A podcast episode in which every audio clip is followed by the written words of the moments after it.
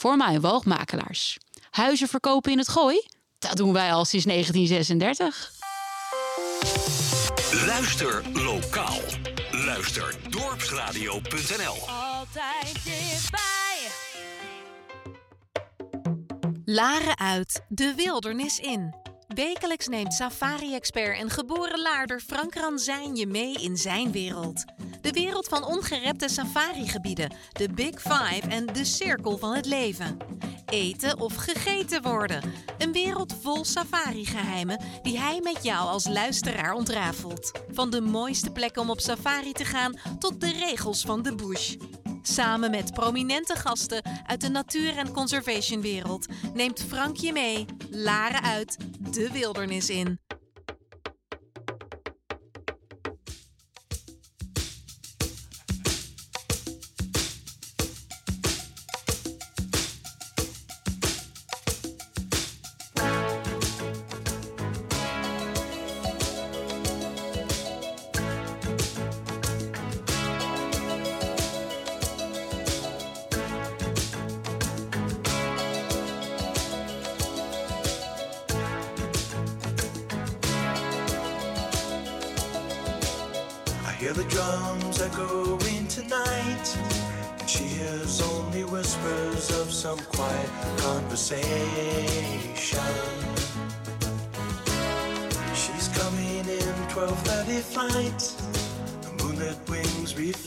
stars that guide me towards salvation. I stopped an old man along the way, hoping to find some old forgotten words or ancient melodies. He turned to me as if to say,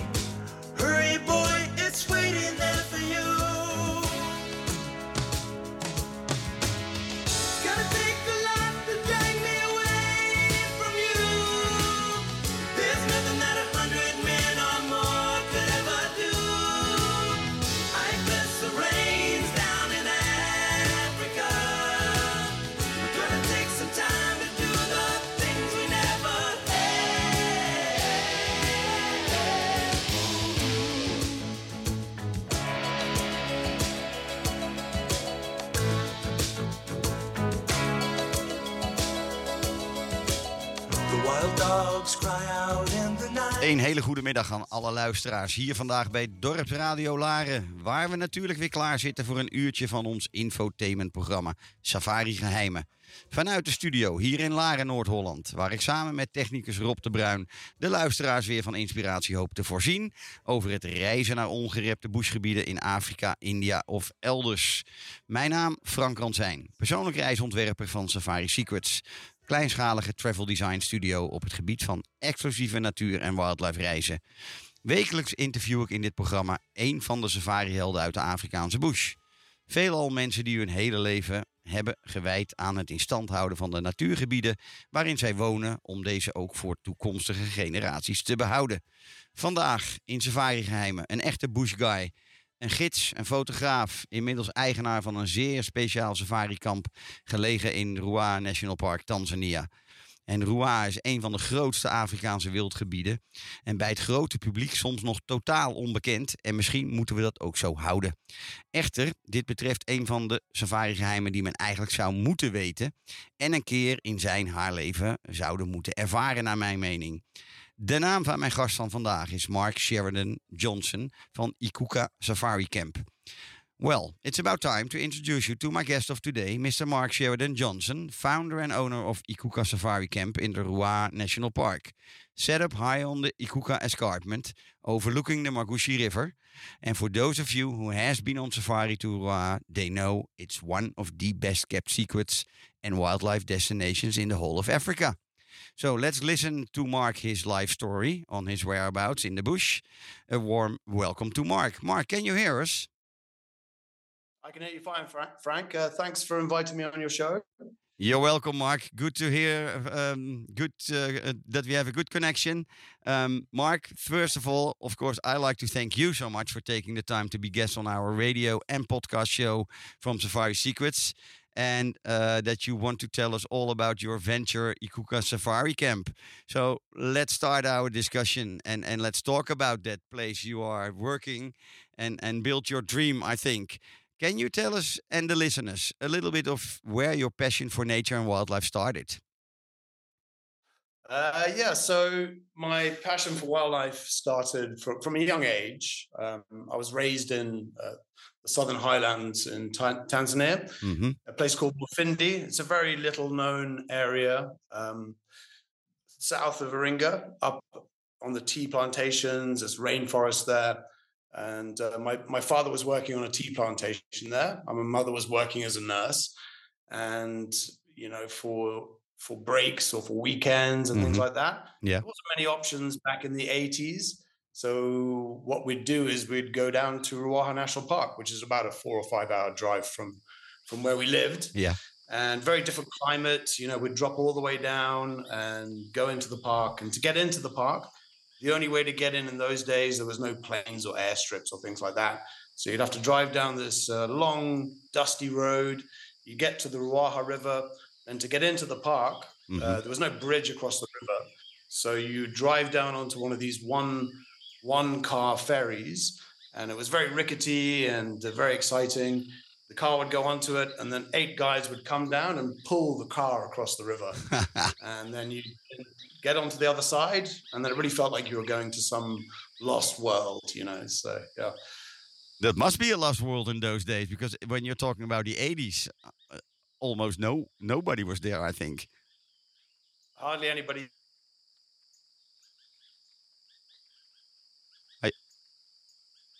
Do you still hear me? I think we lost connection.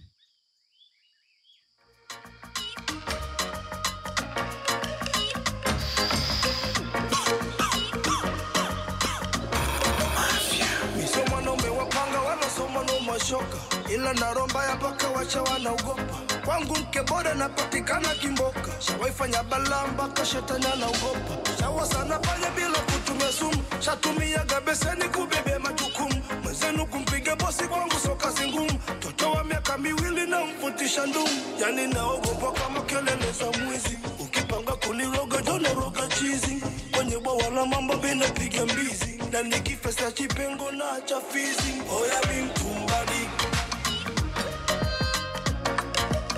wanangu mi mtumbaya.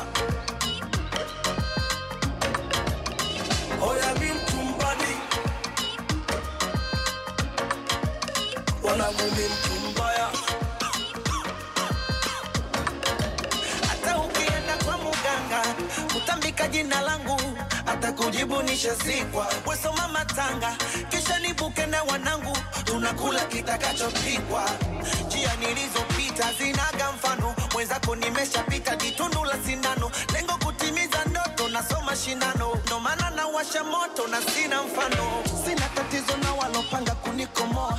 Na wasalimu mosema sitotoboa, kani ngoma zina hii mpaka zinaboa, tena simbi sana na smoke na kukohoa.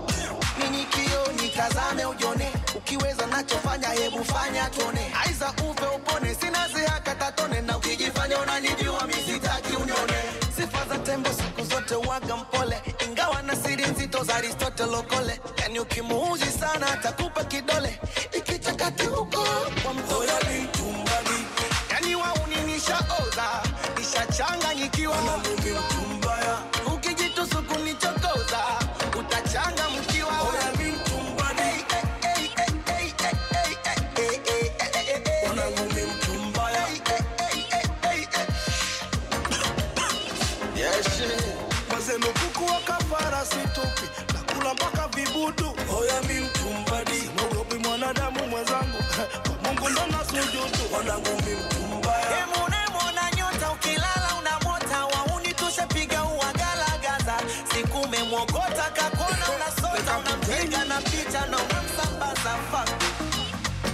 kusumbua, tundamana baresa. Mix Killer. Hoya bimtumbadi والله فانكو دون waxaan ku shabtay saxan ee eh? Somali music to the wall. Ababa asharma buad masano gulusid sewaay Allah Allah bas naga dhawa buugi rabnaa بشير عبد البشكا يا يا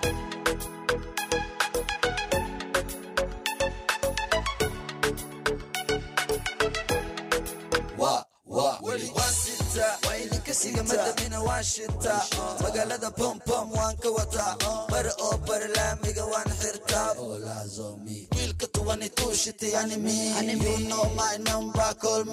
madaxaan uga tuntaa myifahan jaahiltani waa cilmi mynem sharma iska daldalma. Ama soo saara mid ii qalma. Ballanka ahaa inaan unasto maalmaa labayaalaan jira ii saardaama balliga toos waxaan ka raaci maama. Ciyaal madiina waan idi salaama rastafaara timaharaama this is my city maraxo ee ka soco laabtada kana raaca dantada iska firis saaxiib midka xun xarfaantada kala baro waa muhiim kuli asxaabtada iska hubi meeshaad dhigaysa saantada nebigiiba aabayo suga maalintada eebba keliya u bandhiga arintada wax weliba waxaa ka macaan diintadeeyo diintaada waa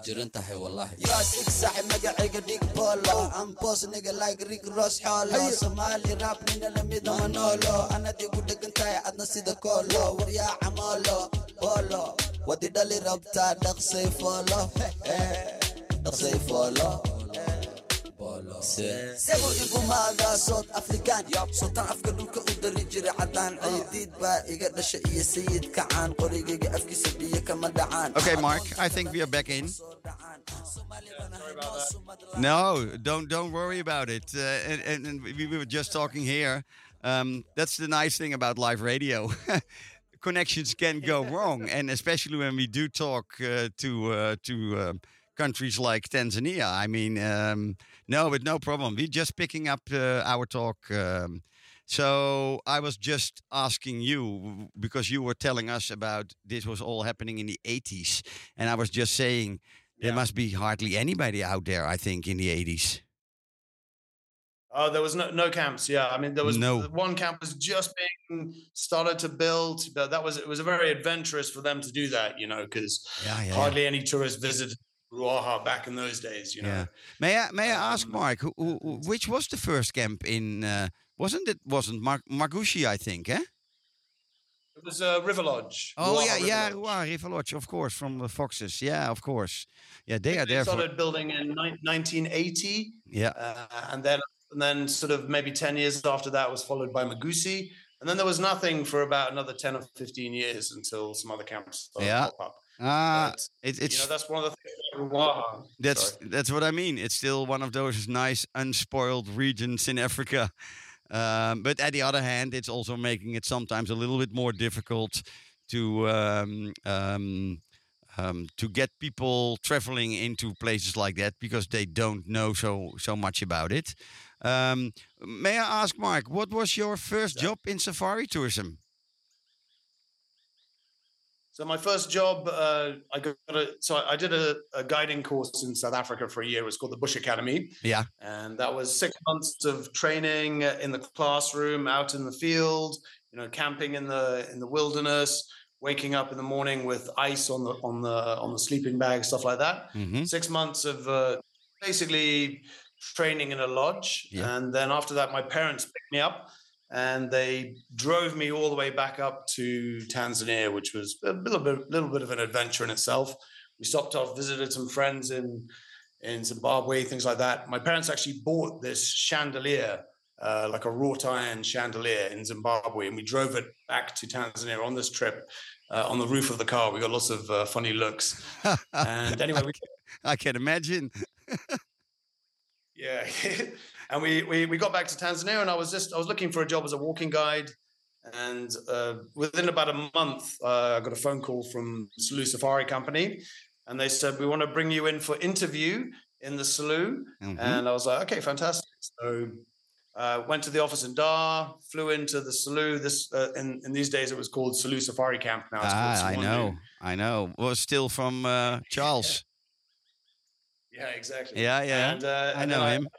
I arrived for interview, and the my the head guide there was called Andrew Molinaro, aka Mollie, Yeah. and the managers there were they were they were like, okay, Mollie's on a fly camp, Yeah. but he's coming back about two days, and then he'll interview. And they were like, by the way, he, the last five guides that came in, he dismissed straight away. So I, so I had two days waiting, you know, stressing about what you know what this interview is going to Yeah, be like. yeah, yeah. and uh, eventually he turned up very wild-eyed, and then straight off, we were off. We were off straight into straight into the interview, driving around. And anyway, I passed Yeah. and got the job as a walking guide there. So yeah. Ah, nice. Well, how, how old were you when you when you uh, did your uh, work with uh, Mollie? So I started then. That would have been 2004. So I'd have been about 24. Yeah. Ah, yeah, still quite young. And and, quite and and what a great uh, person uh, as a trainer. Oh, fantastic! One of the one of the best walking guides in Yeah, Africa. yeah, yeah. I'd I think so. Eh? He is still he's still known as one of the best. Eh? Yeah, yeah. Definitely. And uh, do you Um, you you guys do you guys bump into each other quite often? I think, eh? Because he he is there also in the Ruaha, of course, with Chica, uh, um, Chi, what's it? Yeah, he, he was the best man at my wedding. Oh, really? We're, we're, yeah. ah, nice. So we're, we're very good. We're very good friends. You go a um, long see way. To, yeah, you go a long way together. Now, people who want to know more about him, also, I, I he is on my list also for uh, for a same type of podcast episode like with you, but um, haven't haven't come that uh, far Yeah. yet. Um, Mark, um, did you work for um, for him for a long time, or did you work for various camps in in that time?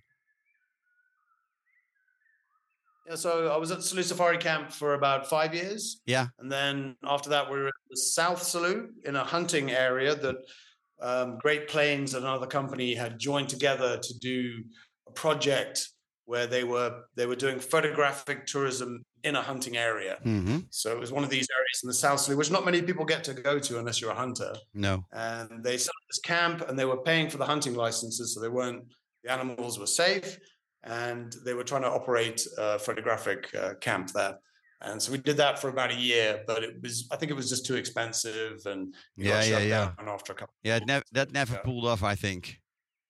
no no no, no, no, no, really. Hey, and um, um, what made you decide to think? I think I'm going to look for my own camp. What was what was that whole thinking process behind it?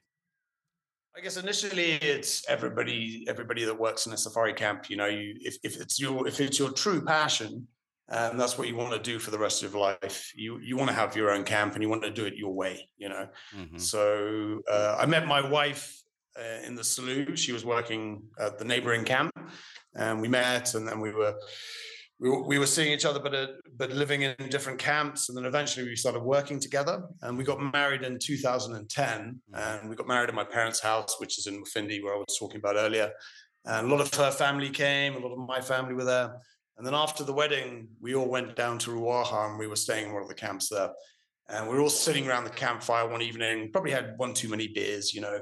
And uh, this uh, one of our other um, directors of the company, a guy called Giles North, he was there, and we were we were chatting. And we're like, "Yeah, we should do our own camp. Yeah, yeah, we should we should we should build our own camp."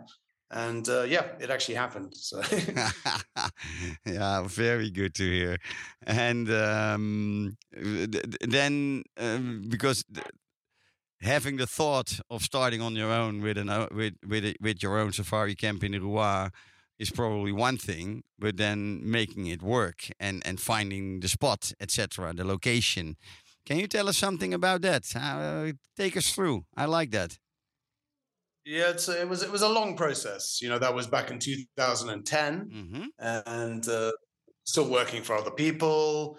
But while we were working for other people, we were still looking for sites, you know. Yeah, and I think yeah. we we really wanted because we had I've got you know my family live in the area, so we've got roots there. We know the community, Yeah, and yeah. obviously I, I grew up going to that national park when I was a kid. And uh, yeah, so we, we we checked out all the sites that were available. You know, Mm-hmm. uh, part of the general management plan of, plan of the park is they have different sites which they've earmarked for development. And we visited all of them, but they were all not not good. You know, out in the middle of the, on top of a hill. Well, sorry, in, in the middle of the bush with no view and no and full of tsetse flies and thorns and things like that. Mhm. And eventually, we got taken by a ranger to the bottom of this hill. And we got out the car and we walked up and we walked up through the top of this hill and came out to the front. And there was this beautiful view.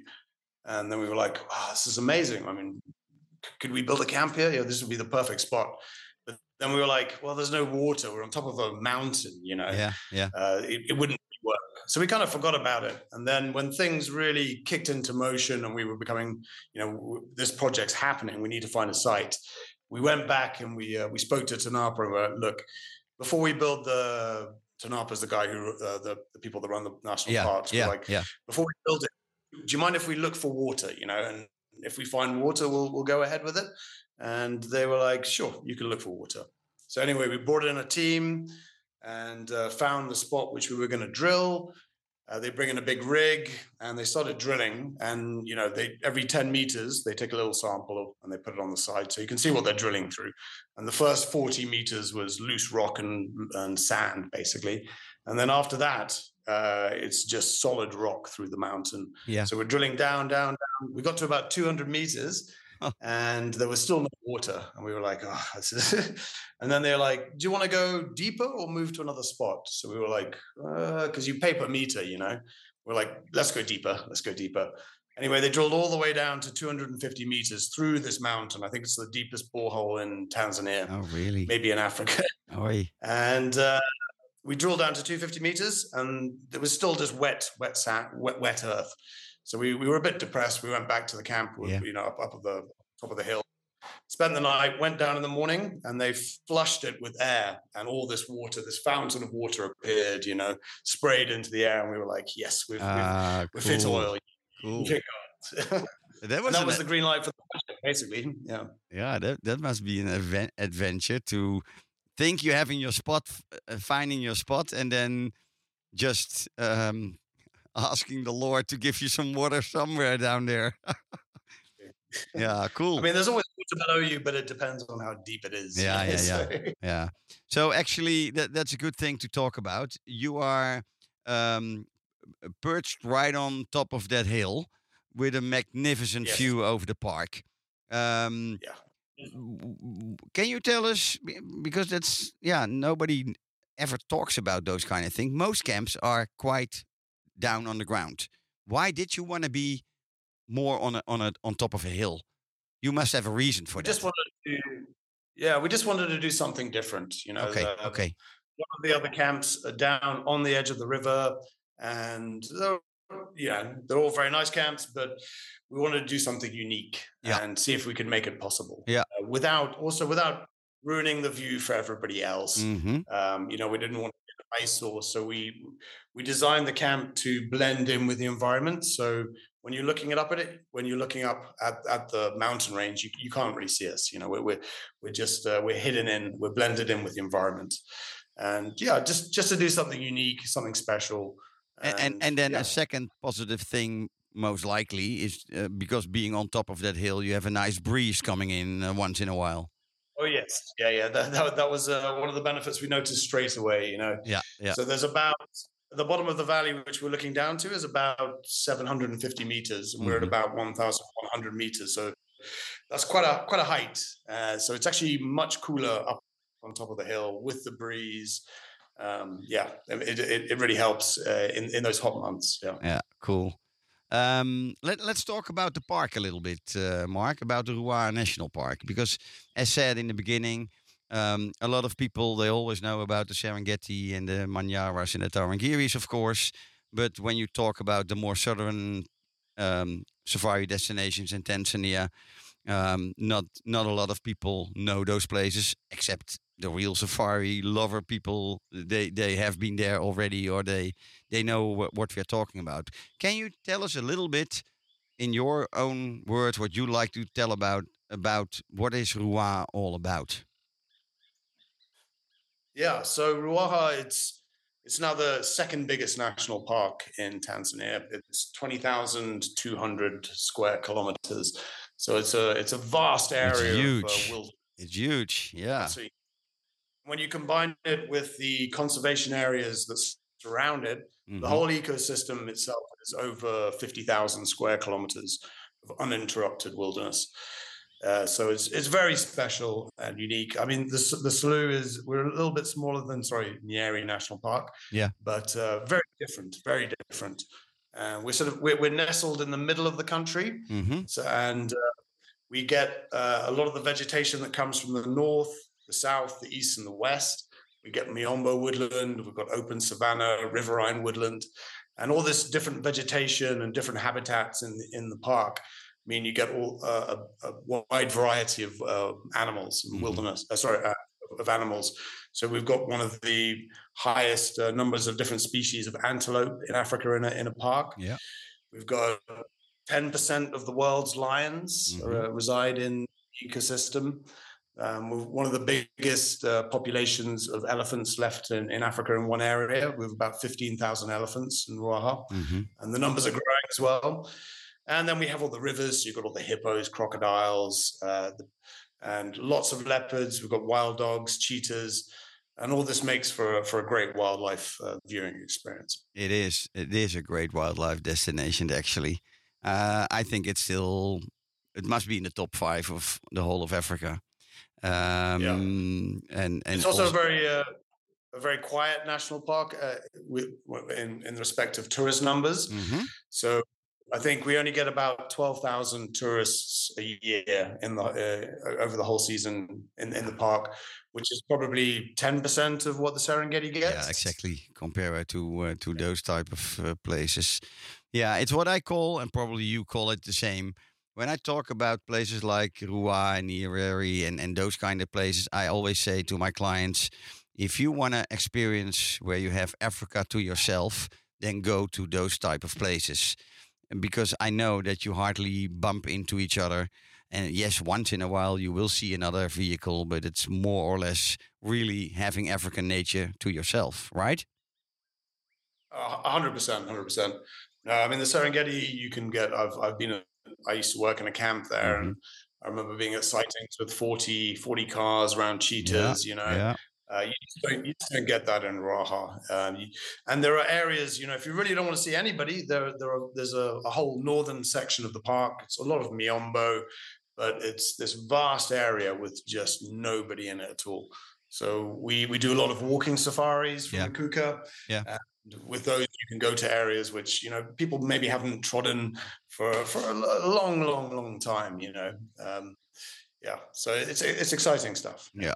The the the the um, the areas like you're just describing, like the far north of the park, but also the far south of the park, where Asilia just Yeah, opened up. That th- those those Exactly. areas, yeah, I, um, because I like to be honest, also. Um, the people should expect a little bit more of tsetse fly experience also eh, in those areas. Yeah, yeah. No, those areas um, they do have a few more tsetse flies, uh, not as much game. It's a bit more scarce, but those Miombo areas are where you get things like um, sable and roan antelope. Yeah, that's nice. Yeah, that's very nice. Different kind of wildlife. Yeah, that if yeah, you want to yeah. see, where we take you. Yeah, yeah, yeah.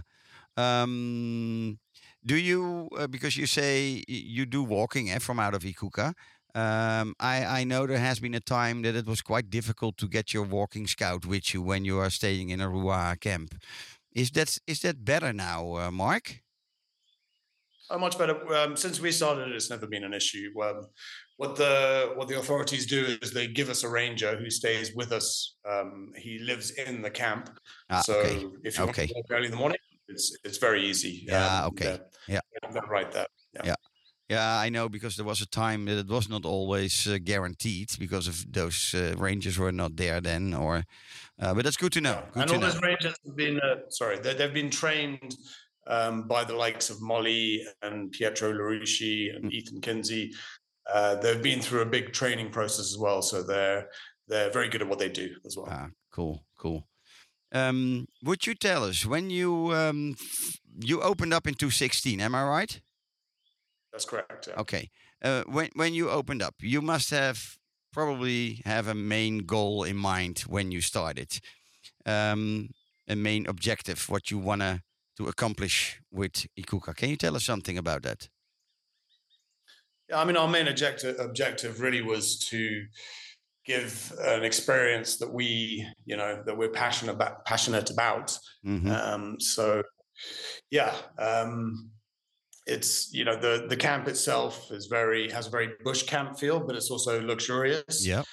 and uh, an emphasis on excellent guiding, excellent food, and an accommodation. Which so so when you walk into our rooms, you know the first the first thing you see is all it's all open. Yeah. Yeah. You know we have we have we have a tent in the middle, but it's rolled up. So when you walk in, you can see all the way through the room out the other side.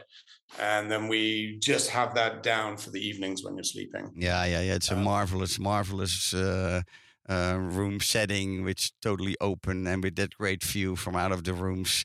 Um, let, let's uh, tell people also um, how many how many guests uh, if you're m- m- totally full in camp. How many rooms and guests? So we have seven rooms. One of the rooms is a, is a double. hmm And we, we- could do a couple of triples, but basically, uh, what's that? So 16, 16 guests. Oh, Yeah, sorry, okay. yeah, 16 guests. Still very small, intimate, and and um, um, yeah, intimate, very yeah. great experience. Yeah. Um, You also have a, a rock a rock house experience. Yeah, the I know, I know. That's the that, that's that's the best place you built there, that rock house. Yeah, that must so be we were looking. must be so sorry? popular for especially uh, romance seekers and honeymooners, etc. Oh, definitely. And uh, it just puts you a little bit out of your comfort zone. Uh, You're Mhm. perfectly safe there. We wanted to give uh, uh, our version of a fly camp experience. And uh, I was looking around our area for something suitable. I think originally we were looking for a treehouse kind of thing. Yeah, yeah, yeah. and I found this really uh, beautiful rock copy, uh, you know, big granite boulders uh, sticking out the ground. Uh, and we were like, yeah, actually, this would be really, really good for uh, to build a deck in between and put a, a square tent, which you, Yeah. you can see all through it. So when you're sleeping, you can see the stars above. And it's just a one night experience. Uh, you wouldn't want to stay there during the day, but for, for nighttime, uh, fantastic. Yeah, yeah, yeah. I think so too. Um, it's it's one wonderful how you designed that uh, that place, um, and I know because of all those s- star bed fly camp type of locations, it is very popular. And then being different, like the way you did it eh, within the rocks, it, I think it's a marvelous, marvelous uh, option. Thank you very much. Yeah. Um, let, let's let's talk a little bit about, and that's uh, probably difficult, but I I have to ask you, what makes Ikuka different than some of the other camps around you in uh, in Ruaha or even in in the uh, in the safari industry? Can you can you say something Right. about that? Yeah, well, we're obviously very we're a very small camp. We're owner run and operated. So Very important. are very important. Owner run. camps. Yeah, yeah. So you know, we don't have somebody telling us uh, you can't change those cushions or you can't change this. We so we we can just implement things straight away, whatever it is, Yeah. and just have the camp the way that we we we we envisioned it. If you know what I mean. Um, also, I mean, obviously, the view is uh, is one of our major selling points. You know, if if, if you're into vista, like amazing vistas, then yeah, Ikuka is uh, is better than the photos. If you know what I mean. Yeah. Okay. Do you run? Do you run the camp uh, differently from a from a um, um, activity time schedule point of view, or is it just the um, normal day at the office? You mean uh, for uh, compared to other camps? In yeah, the, yeah. Because some I, I can see at the moment, being in the industry quite a long time, uh, people are Yeah. looking for new ways uh, in some in some destinations and some uh, countries. Uh, and so there is a movement in that. And I was just curious if you do things differently, or just very flexible, or uh, how, how do you run it? We're, yeah, we're, we're ultra flexible. You know, we we we try to get our guests out at the earliest possible time. So the earliest time we can get out uh, that we're allowed to by the authorities is six a.m. So our Yeah. guests, well, they all go out at six a.m. Mhm. and they're out for as long as they want to. They take breakfast out. Uh, we also do the walks earlier in the morning because it's cooler. And then in the mornings, you can you can get further afield if you know what I mean. You can go and explore the Ruaha River and around the Kimilamatonge Hill. And then most guests come back for lunch and then they rest a bit and then they go out in the afternoon. Yeah. So, but we, yeah. Uh, So, yeah. That's, I I guess Yeah, is yeah, that yeah. pretty standard. Oh, I, What- he- what- I, what's I hear some lions. In, I hear some lions in the background, Mark. They they have they have come into Arusha, I think. yeah, we do. We do once in a while try to uh, give uh, the listeners a little bit of a bush feeling, um, but now Okay. knowing now knowing that you are in Arusha, this is maybe not the most appropriate thing to do. Sorry about that. Um, and let let's. uh, May I ask you about uh, because I, I'm sure uh, that's in your heart too about the conservation side of things. Um, having happy guests in camp is one thing, but I also think there is a deeper, deeper um, love for nature and and conservation for nature and wildlife and local communities. Um, uh, what do you? Um, what is your opinion about conservation in Ruaha and within your camp, etc.? Yeah, so I mean, you know, camps just in themselves are a very good tool for conservation. Mm-hmm. You know, having a having a human presence in an area where there wasn't uh, is a big deterrent for poachers and things like that. So, Mhm. you know, if you, if you talk to the uh, conservationists, they love new safari camps opening up, and just the presence being there. Uh, the, the animals become more relaxed. Uh, the elephant population can relax, and anybody who is going to do anything they shouldn't be doing will move to uh, a different area. So just just that in itself, camps um, are very very useful, and Sure. just by guests coming and, and helping the camps to uh, to survive, you know, um, is a just is, is a big help in itself. We, uh, we, we're we're also involved with uh, STEPS, which is a Southern Tanzania Elephant Project. Mm-hmm. We have uh, their um, researchers. They use our camp every month to come and use it as a base, Yeah, yeah. and then they do their, research from from from our camp. So they're out doing transects, trying to work out the populations, monitoring the elephants. So we have them in camp, you know. So if any of our guests are really interested in that, um, they can come and do a talk uh, pre-dinner or during dinner to to fill the guests in and all that information. You know. Very nice. We also work with uh, the Car- Carnivore Project, Yeah. which are based outside the park in Tungamalenga. Yeah. And all of our guides, uh, they help uh, those uh, the, the researchers collect data. They're given a camera and a little iPad. So whenever they see any predator, they log, you know, is it a female? Has it got young? Where is it? It's all GPS reference, and they take pictures of them as well. And they come once a month and collect all the data. So that really, really helps out uh, with the, with those with the guys researching carnivores. Cool, cool. Um, and and um, just going even a little deeper than that, what do you think, or your personal thoughts on that? Where do you think um, conservation travel will uh, lead is is going to go? Where where where where will it lead us to? There will be differences um, how do you say that? Um, it's developing. It's still very much de- developing, of course. Do you have a clue where conservation travel is going to for the future? Um, yeah. So, I mean, you know, just the guys coming out um, helps a lot. You- uh, the biggest problems we face is population pressure. You know, and we have the communities living outside. Yeah. And if they don't see any benefit from tourism um, or, or from the animals, Yeah. then you know, they're going to uh, they may resort to doing things like poaching or poisoning of poisoning of the lions that are coming out to kill the that kill may kill their goats or whatever it is. Yeah. So you know, just having um, money coming into the government and the government using that money to help to you know say if a say if a Maasai guy his goat gets taken by a lion, then they refund him for that um, Yeah. rather than him have re- retaliation Mhm. you know, by poisoning a goat, and that in turn poisons the lion and poisons the hyenas and the and the vultures. So, yeah, I mean, it's it's it's very important, and you know, the animals they're uh, yeah, it's they're, they're on the edge, I guess, you know, and so it's it's very important. All these national parks stay the way they are. You know? Yeah.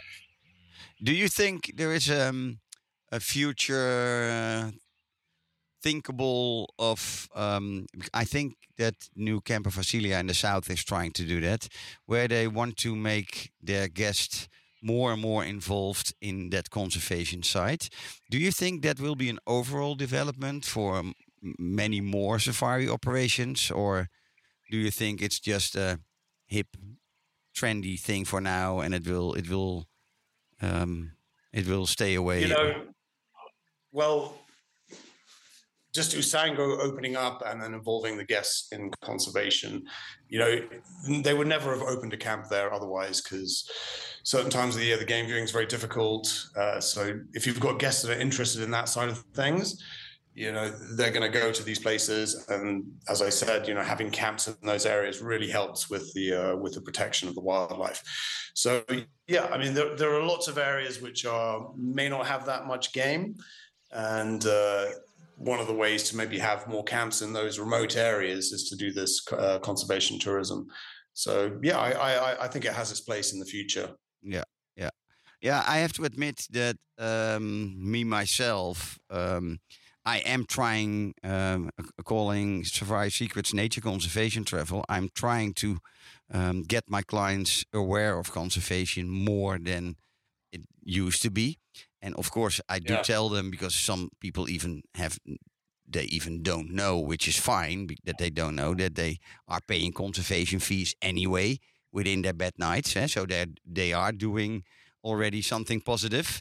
But beside that, yeah. trying to get them more aware of things, more um, uh, more involved. And I have to admit, there's a lot of clients who do really like to get involved a little bit more, and that can yeah. be by lectures you are just telling, eh? like pre-dinner lecture of, yeah. of those kind of things.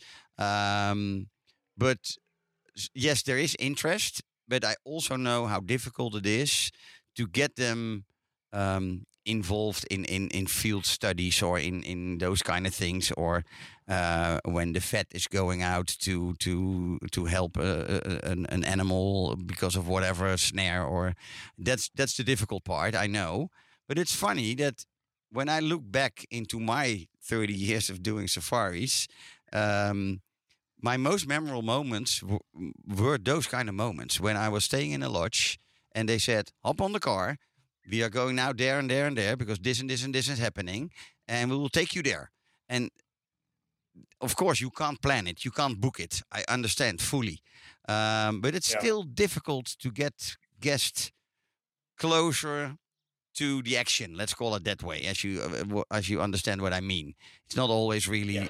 uh, looking for the real action, but um, it's so nice if you can bring people into that stage of that they can witness, even from a distance, witness what's going on. Where, hey, you guys uh, solve a lot of problems yeah. guests never see. Yeah. yeah. No, I mean, so I've spoken uh, uh, to quite a lot of the the, the, um, the projects that are outside the park, and they they're only really really willing for us to bring bring them to their office, whatever, so they can do a talk. But they haven't really offered us any sort of opportunities for actually going out and helping with the whether it's a collaring of a lion or whatever it is.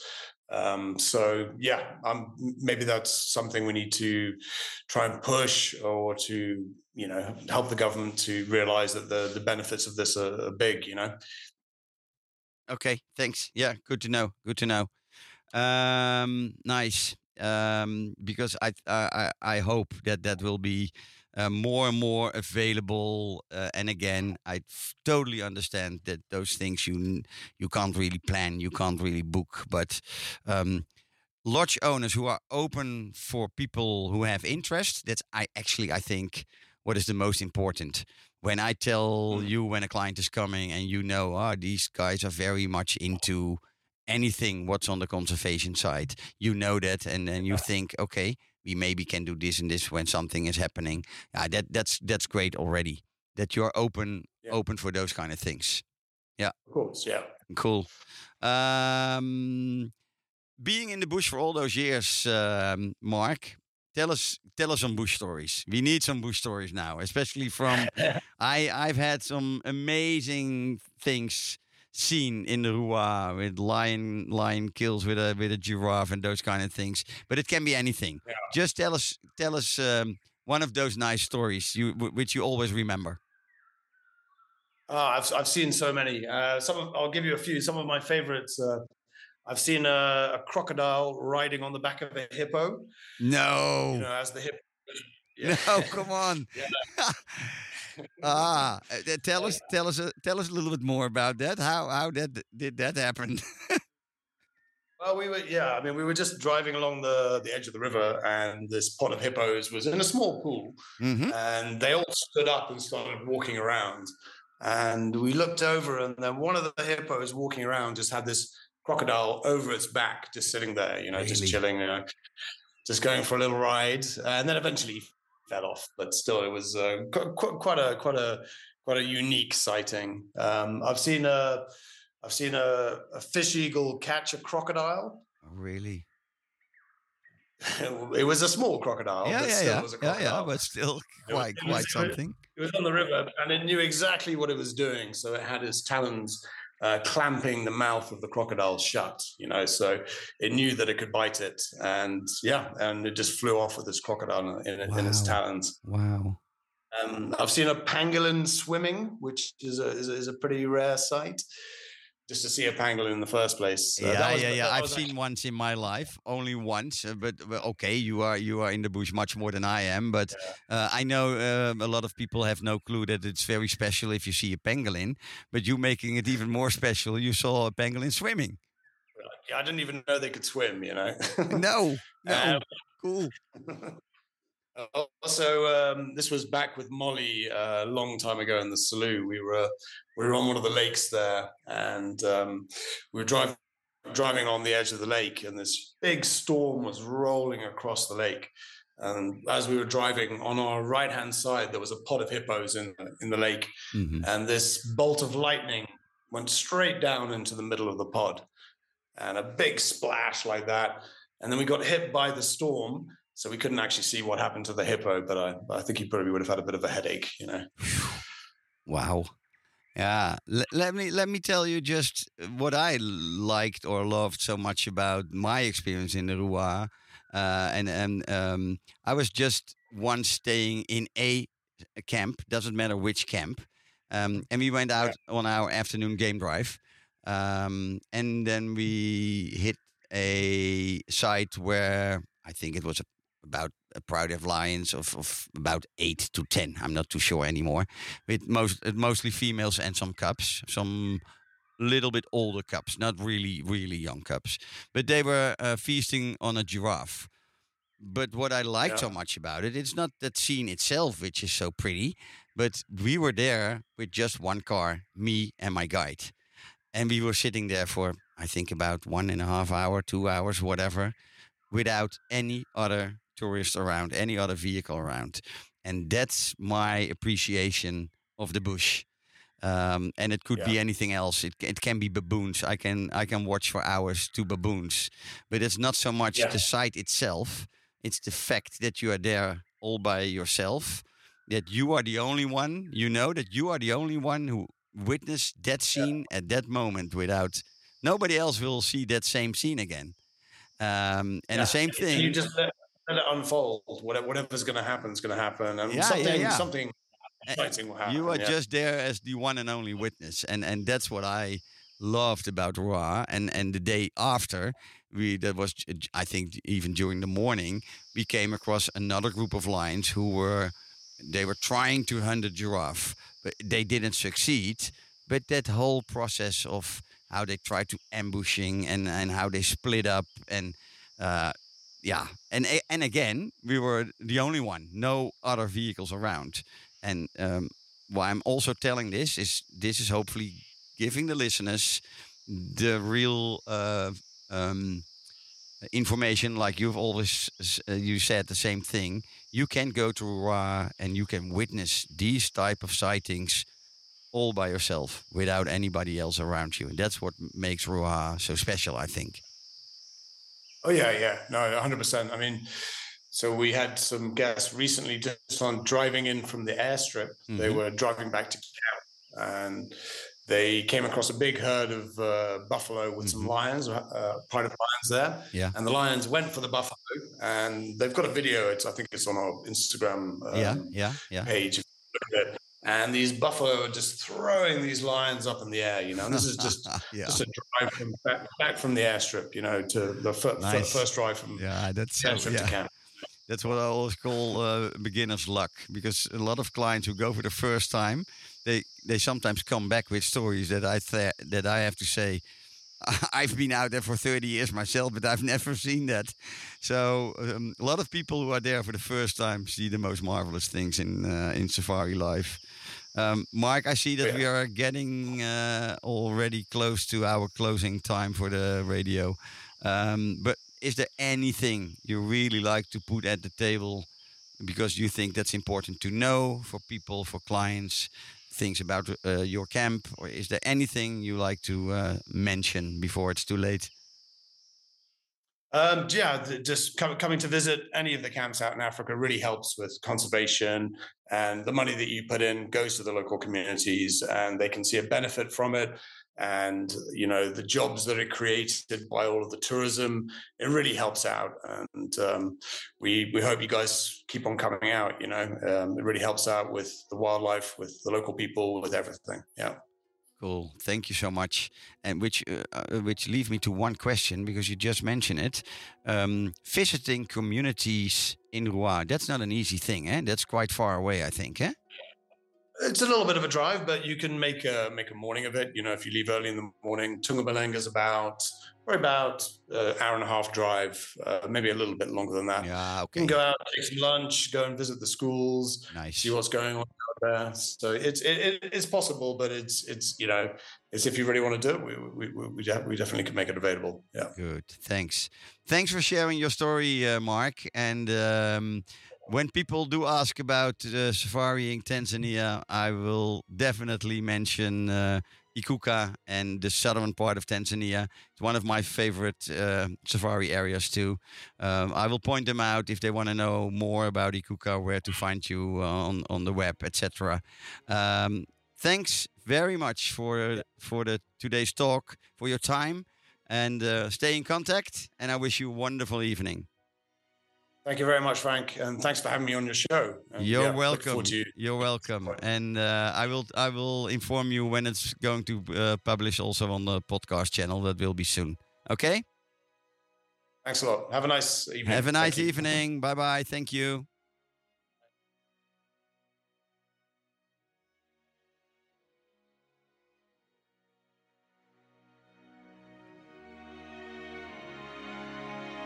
Goed. Dit was ons gesprek met uh, Mark Sheridan Johnson van Ikuka Safari Camp in uh. Wil jij nu ook zoiets bijzonders? En ben jij een safari-reis aan het plannen? En wil je eigenlijk ook wel dat Afrika voor jezelf hebben? Nou, dan zou ik zeggen: um, bel, bel of stuur een e-mail. Stuur een e-mailtje naar info.safarisecrets.nl of bel gewoon met 06 24 732 882. Ik help je meer dan graag verder met uh, um, de kennis en ervaring die ik eh, gelukkig heb mogen opbouwen in de afgelopen 25, 30 jaar. Denk ik dat ik nog genoeg safari-geheimen heb om je ehm, ja, mee te kunnen verblijden. Um, en absoluut, Ruaha is echt een van die meest geweldige safari-gebieden. Waar ja, de actie, de echte actie, vooral tussen roofdieren en groot wild, is daar eigenlijk altijd gaande. Um, maar er is natuurlijk veel meer dan dat. Um, dus ja, um, je weet me te vinden, zou ik bijna willen zeggen. En wil je meer weten en meer geïnspireerd worden, dan kun je natuurlijk ook altijd gaan luisteren naar de andere episodes van de podcast Mijn Afrika, Mijn Wildlife. Ik, die, die kun je trouwens vinden op Spotify, Google en Apple Podcast. Ik wens jullie allen een hele fijne avond en zie jullie volgende week of hoor jullie volgende week weer. Fijne avond.